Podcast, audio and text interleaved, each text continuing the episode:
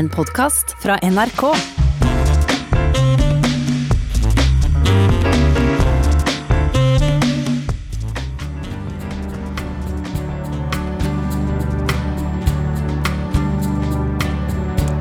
Det var Fields of Gold med en artist som har fått mye omtale i norske medier den siste tida, nemlig Sting.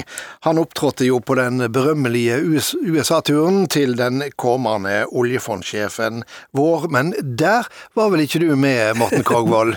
Nei, der ble jeg ikke invitert, gitt. Heldigvis. men du er i alle fall invitert hit til Studio 62. Velkommen skal du være. Du er eh, mellom landets mest kjente og fremragende fotograf fotografer, og det er veldig stor spennvidde og både poesi og realisme i bildene dine. Ikke minst så har du fokusert mange kjente ansikt gjennom kameralinsene, portrett som er vist på utstillinger i inn- og utland. Også her i huset, i gangen like utenfor vårt studio, her i Radiohuset på Marienlyst, så henger NRK-profiler på rekke og rad med sjølveste Erik Bye i spissen. og mm hvordan var det å portrettere Erik Bye, forresten? Jeg lagde jo i eh, fjernsyn også med Erik Bye, ansikt-til-ansiktsprogram. og jeg tenker, eh, og jeg håper jeg har feil, men jeg lurer på om det kan komme sånne personligheter, om vår tid kan klekke ut sånne. Fordi jeg mener historien til Erik er jo helt annerledes. I dag begynner eh, barna på barnehage i første, et, etter ett år, og gå på det samme skolen og gjør det samme. Men du vet at en sånn karismatisk bombe og kunstner som Erik Bye, det er jo bare et eventyr å være sammen med med sånne, men han fikk også lov til det. Mm. Og han kunne ringe sin sekretær klokken tre om natta og lese dikt og vekke henne opp og Det var en helt annen tid. Men jeg er så glad jeg har møtt sånne. og fint for Erik Bye, krevende for sekretæren. Ja, veldig. Men det var, sånn måtte det være. Hvordan var det å portrettere han? Var det vanskelig å Nei. finne den eh, stemma i han? Det er et godt eh, spørsmål, men faktisk det jeg, jeg, gikk inn på, det var å gå inn på hans sårbarhet. Det pleier jeg veldig ofte å gjøre for, for, å ta bort masken, så ikke det blir programlederen, men uh, mennesket.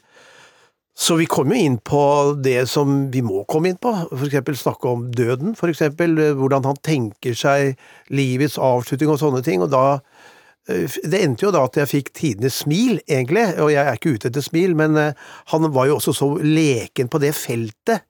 Men du må inn på alvoret for å få til noe, man kan ikke fake og komme, må bare bryte gjennom den overflaten, og det var jo veldig enkelt på Erik, da, som var et medmenneske av dimensjoner. Apropos um, alvoret. Søndag så fyller du 70 år. Oh. Gni det inn. Nei da, jeg skal ikke gni det inn. Jeg bare, jeg bare konstaterer, ja, jeg konstaterer, det. Ja. Syns du forresten det er så forferdelig? Nei, altså, det er bare at nei, Jeg jobber jo 16 timer i døgnet, og det er ikke tull. Jeg, jeg, jobber hele tiden. Og det skal jeg gjøre så lenge jeg kan stå på bena, men det er bare at det er bevisstheten om at livet har, har min, det er mindre tid igjen. Det er ikke noe mer enn det. Så, men det bare høres litt gammelt ut. men sånn er det. Mange av oss må lære å leve ja, med akkurat det. Ja, ja, ja. Men det er jo ikke så unaturlig med et lite tilbakeblikk eh, ved en sånn anledning. Nei. Og hva var det som fikk den eh, pur unge Morten til å velge kamera og, og fotografi som levebrød? Jeg hadde to helt skrekkelige år fra jeg var syv til ni, da jeg lå på sykehus. Og det var jo ikke sykehus sånn som det lå var nå. Jeg hadde en hofteskade.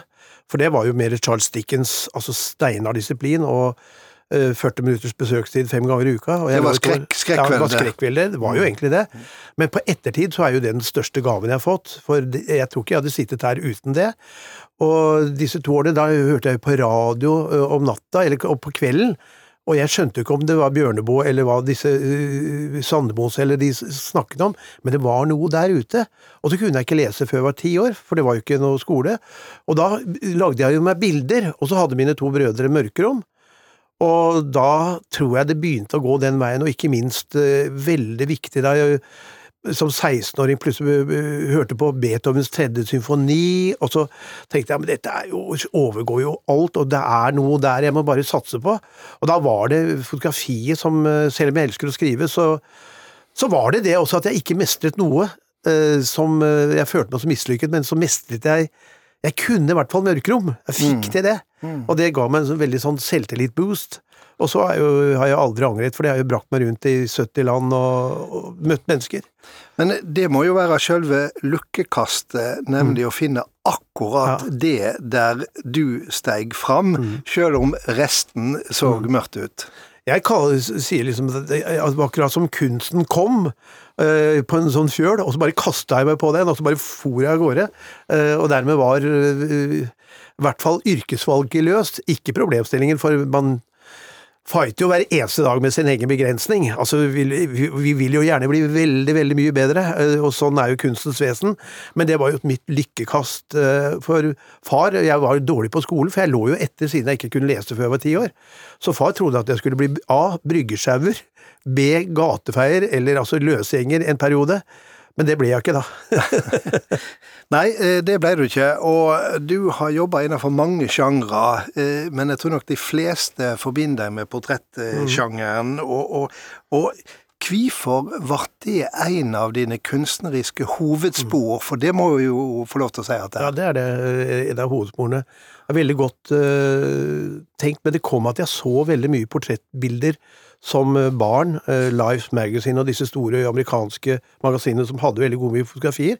Men så var det faktisk den siste viktige avgjørelsen var da jeg så eh, kanskje Ingmar Bergmans beste film, 'Hviskeringer og krop' fra 1972. Hvor jeg så de bildene som fotografen Sven Nyquist presenterte på lerretet. Da tenkte jeg at i hvert fall, jeg må i hvert fall bruke en del av min tid til å skildre det menneske, menneskelige ansikt, som jeg syns er det mest fascinerende landskap som finnes. Jeg er glad i natur, men ingenting slår ansiktet. Mm. Og alle disse tusen bevegelsene, det er et ansikt bare i løpet av noen minutter, og alle tankene. Eh, og det kan jeg aldri bli lei av, altså. Og dette er jo greit for eh, de av oss, eh, å høre for de av oss som eh, nå har fått en del fure. Ja, ja, ja. Men hva er du leiter etter i et ansikt? Hva er det du søker deg inn mot? Altså, Først så prøver jeg å se Jeg ser like mye på kroppens gester. Mm. Som på ansiktet. Jeg ser like mye på kroppsspråket. Og så er det liksom Den ytre tingen er selvfølgelig da Den er anatomien. Men så er det å komme inn til en alvor, en sårbarhetskilde, ved å prøve å fjerne eh, den, den profesjonelle masken vi bærer på oss når vi er ute i samfunnet, og komme inn Altså, Gøran Tunstrøm, forfatteren, sa at uh, ansiktet er inngangen til de menneskelige magasiner. Uh, og det er litt store ord for å si at jeg prøver å finne det, men det er jo egentlig det jeg leter etter.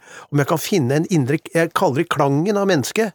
Og det går på kommunikasjon. At jeg bruker 90% av min fotograferingstid er på kommunikasjon, og føre ordentlige samtaler for å se om jeg kan nå, nå frem. Men det er ikke bare derfor jeg gjør det, for jeg lærer jo så mye av det, og jeg synes det også er så interessant.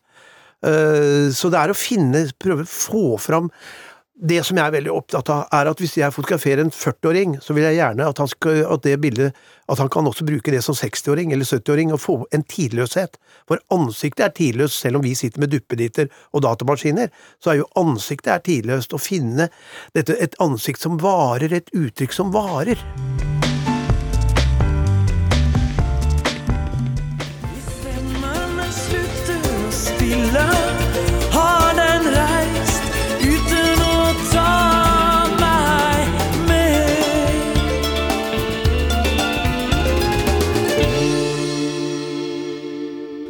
Det var altså stemmene inni med Anne Grete Preus. Og hvordan var hun som eh, fotoobjekt? Hun er jo en av de egentlig letteste, bortsett fra at hun var mye høyere enn meg, da. så jeg måtte jo stå på der med stige. Eh, men hun hadde jo denne ekteheten, da. Så hun, eh, hun hadde jo en enorm sårbarhet i sin skjønnhet, syns jeg, da. Og det, det ser du på teksten også. Så der var det veldig lett å finne veien inn, virkelig. Ja, Du snakka litt om å kaste masker. Er det det det dreier seg om? Stemmene inni meg? Ja, så du kan si at jeg fotograferte den store svenske skuespilleren Jarl Kulle. Mm. Og så sier jeg til Jarl at jeg så deg i går på scenen med Lang dags ferd mot natt av Eugene O'Neill, og da satt du så fint på åpningen der. Og så kan du begynne å sitte sånn, så sa han det kan jeg ikke sånn, for det er jo gjort for Ingmar Bergman som eh, regissør. ja. Så det blir, da er jeg scenepersonlighet, så du må ikke ta meg som scenepersonlighet. Og da fikk jeg bekreftet at jeg er egentlig på rett spor. Mm. Jeg skal ikke ta den fremstillingen uh, som en skuespiller har på scenen, eller som Erna Solberg har i studio, i Dagsrevy-studio. Det må jo komme For det, det, kan jo alle gjøre, å registrere det, men prøve å komme litt videre, da. Ja, og apropos skuespillere, Wenche Foss er jo ei av de som ja. du har konsentrert deg veldig om. Ja, Da må jeg fortelle en, en historie, for vi gjorde jo fjernsynsprogrammet Ansikt til ansikt, og dette vi skulle ha opptak mandag og tirsdag, og torsdag kveld ringte hun og sa at hun måtte avlyse. Og da sa jeg det er jo ikke så enkelt, det er et stort team. Og så sa hun jeg har verdens beste unnskyldning, jeg, for jeg dør nå. Dør du? Jeg dør nå. Så du må ikke gråte begravelsen, ta Lise Fjelstad, adjø. Og så ringte hun om morgenen, og så sa jeg men er ikke du død, altså? Nei, du skjønner, jeg, jeg, jeg, sa noe negativt til et av mine barnebarn, så tenkte jeg jeg kunne ikke dø, så nå kjører jeg guttene hjem, så hvis du da kommer klokken tolv, så kan vi snakke om det, og så drikker vi champagne. Og så skulle jeg holde foredrag i Konserthuset, så jeg men Wenche, jeg kan ikke ha champagne. Da blir det ikke noe. Og så, så drakk vi champagne, og så ringte Fabian og spurte er du hjemme, mamma? Ja, du, jeg sitter her og drikker champagne med Morten, du skjønner, han insisterte. så det er Wenche, da, ikke sant? det, det er det i en helt annen ytter ytterkant, og det er fristende å spørre deg om noen av de som du har eh, hatt framfor kameraet ditt. Og, og ytterkanten eh, til Wenche Foss, det må jo være Nelson Mandela. Mm. Ja, det var jo, og der var det jo Det var ikke mye champagne? Nei, det skal jeg love, og der var det bevegte vakter og det hele. Og da hadde jo jeg fått en halvtime, som var ganske mye da for en uh, sånn mann. Uh, og da blir man da testet ut, hvis han syns det er kjedelig, så funker jo ikke det. Og da våget jeg spørsmålet eh, og spurte han Mr. Mandela hvordan er det å være 27 år uten å bli berørt av en kvinne, fysisk? Og da holdt de vaktene på Svima. Og da sa Mandela dette blir interessant, og da fikk jeg en time. Og da fikk jeg en hans story som jeg aldri vil glemme, hva han gjorde i første døgn etter han ble, øh, kom ut av fengsel. Det var et enestående å få den på halvannen meters avstand, for han likte det at jeg ikke bare nikket og kom i de høflige frasene, men at jeg faktisk stilte spørsmål. Men nå ble jeg litt nysgjerrig. Hva satte han på spørsmålet? Ja, han svarte egentlig ikke noe særlig på det. Han sa 'man venner seg til mye', sa han. Man ja. venner seg til mye, eh, og det blir viktigere ting å holde på med.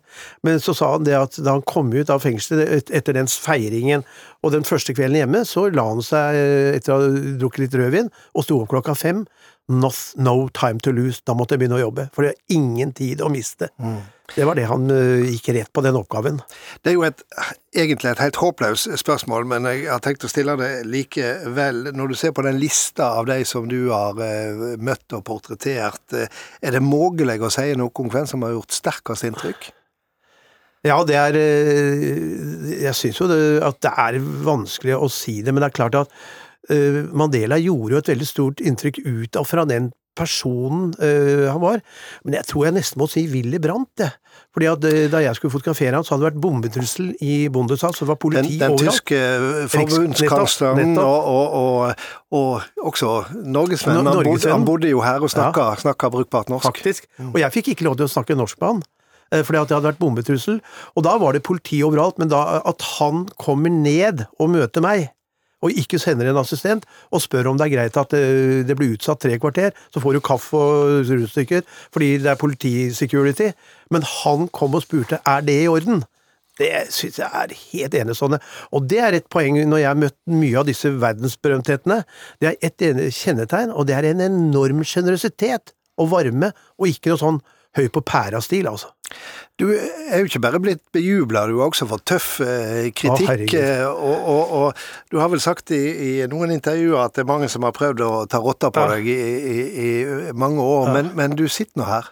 Ja, det, men det, det, den kritikken har, har, gjort at jeg har kommet veldig ofte i tvil, men jeg har fått en veldig backing av norsk kulturliv. Eh, av folk innen teater og billedkunst, og, så jeg har fått så mye gode ord, og så har jeg tenkt at ok, det er mulig at det er sånn, men jeg, jeg kan bare fortsette min linje, og nå har det plutselig snudd det motsatte.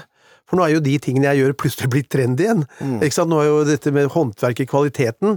Så nå, eh, Men eh, det har vært veldig tøft å stå imot all den kjeften jeg har fått, altså.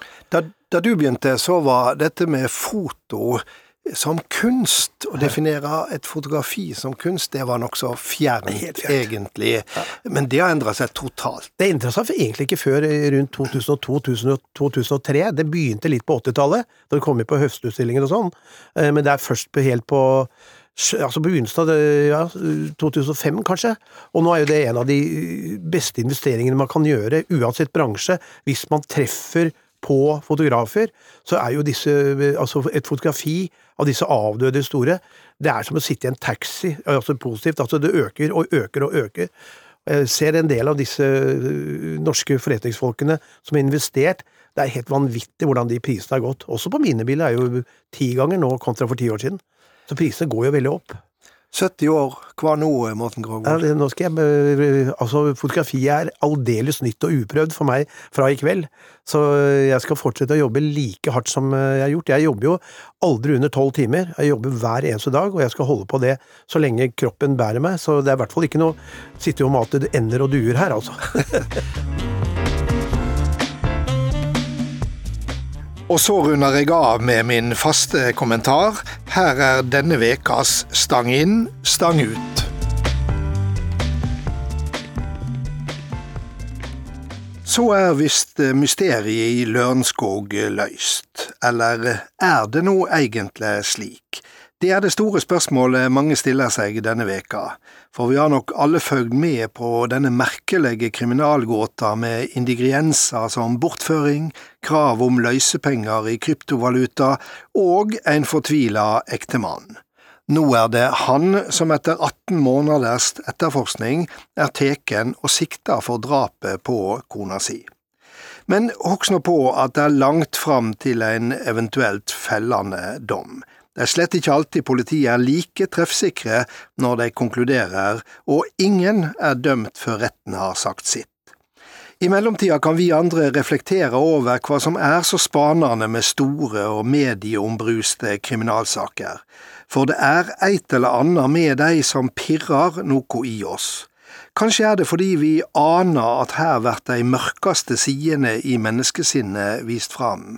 Kanskje ser vi en kontrast mellom lovbryteren og oss mer eller mindre lovlydige, eller kanskje er det rett og slett sensasjonsgenet i oss som blir stimulert når ei oppsiktsvekkende kriminalsak blir rulla opp.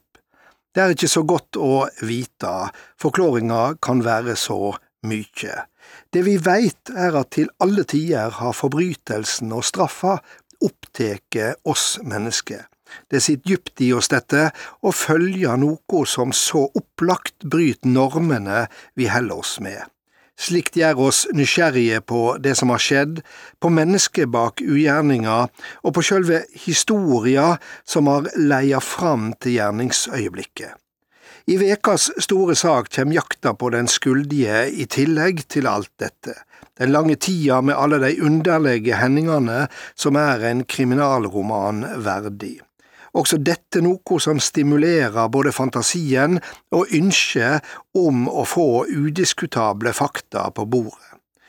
For uløste kriminalsaker kan skape mye vondt blod. De nører opp under spekulasjoner og inviterer til motsetninger, noen av de blir liggende der i årevis som åpne samfunnssår. Vi makter ikke legge de bak oss. Også av den grunn får vi håpe at etterforskninga de næreste vekene kommer til å gi svar på hva som skjedde da ei 68 år gammel kvinne i oktober 2018 forsvant fra heimen sin i Lørenskog. Det handler om den form for rettferd at noe blir gjort opp, men det handler også om ei oppklaring av en forbrytelse som gjør at vi kan legge den bak oss. Det er slik vi går videre. Framleis god 1. mai.